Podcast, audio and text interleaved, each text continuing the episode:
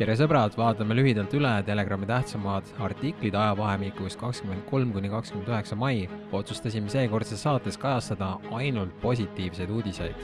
Eesti terviseeksperdid ahvirõuged pandeemiaks ei kujune. harva esinevad ja peamiselt Aafrikas levinud ahvirõuged kulgevad seniste teadete kohaselt tagasihoidlike sümptomitega ja haigus on valdavalt ise paranev terviseameti nakkushaiguste osakonna peaspetsialisti Juta Varjas ja Tartu Ülikooli viroloogia kaasprofessor Margus Varjak kommenteerisid ERR-ile, et nemad ahvirõugetes pandeemia ohtu ei näe. ka perearst doktor Helen Last kommenteeris Facebookis, et see viirus ei levi õhuga, vaid otseselt kehamedelikuga kontaktis olles. seega kainet mõistust, sõbrad, kutsus Last üles rahu säilitama kohus tunnistas järjekordse kaitseväelase vallandamise seoses vaktsineerimatusega tühiseks. tänavu on Tartu maakohus teinud otsuse kahe kaitseväe töötaja suhtes, leides, et töölepingu erakorraline lõpetamine seoses töötaja sooviga end mitte vaktsineerida on tühine ning mõistnud nende kasuks välja ka hüvitise tühise ülesütlemise eest. kohus on seisukohal, et Eestis ei ole seni vastu võetud ühtegi seadust, millega oleks kehtestatud kas üldist või ametikoha spetsiifilist vaktsineerimiskohustust viidates sealjuures ka Austria ja Saksamaa õigusele, mis on Eestiga sarnased. Ning samuti, et vaktsineerimiskohustus riivab intensiivselt inimese kehalist puutumatust ja õigust eraelu puutumatusele ning eelduslikult peab inimesel olema õigus valida, kas lasta ennast vaktsineerida või mitte. kaitseväelasi esindava advokaadibüroo Pallo ja partnerid advokaat Jaanika Reilik-Pakhoff ütles, et vaktsineerima sundivad käskkirjad on tänaseks nii mõneski asutuses pärast töötajate töölt vabastamist kehtetuks tunnistatud, kuid töötajate suurim hirm on, et Covid-19 haiguse leviku ägenemisega alustavad asutused uuesti sarnaste abinõude ning sunniga, mis tooks sügisel kaasa uued kohtuvaidlused. kõik see on aga koormav nii meie inimestele kui ka kohtutele. täna oleks vaja hoopiski rohkem ühiskonna sidusust koos vaimselt tervete inimestega, mitte lahterdamist ning ametikondades oma töötajate vaimse frustratsiooni tekitamist, sõnas Relik Pakov hoiame pöialt, et see inimõigusi rikkuv sund päevapealt kaoks vastuhakk toimib, kas enamik WHO plaanitud tervise-eeskirjadest tühistati?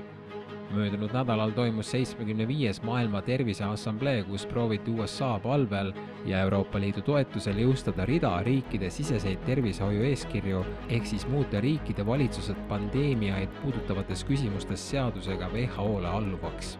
Rahvusvaheliste tervise-eeskirjade muudatustele vastu seisnud inimeste tohutu vastureaktsioon üle maailma on viinud kuuldavasti selleni, et Ühendkuningriigi tervishoiuministeeriumi töörühm jättis kolmeteistkümnest muudatusettepanekust enamuse ehk tervelt kaksteist ettepanekut välja ja tundub, et sellest eeskujust nakatusid ka teised riigid kuigi see eelmise nädala uudistesse veel ei jõudnud, võime etteruttavalt öelda, et Maailma Terviseassambleel läkski esialgu läbi ainult üks punkt, ehk siis riigid peavad aktsepteerima seaduseid ja kohandama uusi rahvusvahelisi tervishoiu eeskirju seni kuni kahe aasta asemel vaid kuue kuu jooksul. teiste punktide osas veel kokkulepet ja ka üksmeelt ei saavutatud. Kuberner Ron DeSantis, Florida ei toeta WHO ülemaailmset pandeemialepet mingil juhul ÜRO agentuuri WHO pandeemialeping kohtab vastuseisuga ühes kõige enam koroonapaanikat eiranud USA osariigis.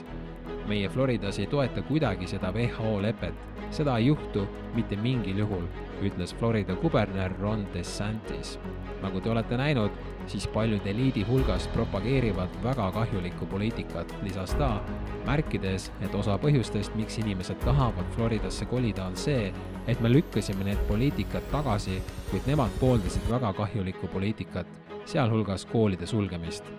tõepoolest, tuletagem meelde, et kui Florida ühe esimese piirkonnana maailmas praktiliselt kõigist koroonameetmetest loobus, ei toonud see kaasa mitte koroonajuhtude kasvu, vaid hoopis languse. rõõmsad ja vabad inimesed lihtsalt ongi tervemad. ja lõpetuseks värske uuring sedastab, et kanepi seadustamine võib vähendada alkoholi, valuvaigistite ja sigarettide tarvitamist. Hüppelauateooria ehk kanep on hüppelauaks kangemate narkootikumide juurde põrus järjekordses katses. USA Washingtoni ülikooli uurijate töörühm leidis, et kanepi meelelahutusliku tarvitamise seadustamine osariigis tõi kaasa alkoholi ja sigarettide pruukimise ning valuvaigistite kuritarvitamise vähenemise noorsoo hulgas. halloo, Eesti uimastieksperdid, millal te oma silmi avama hakkate? äkki peaksite ühe džondi tegema?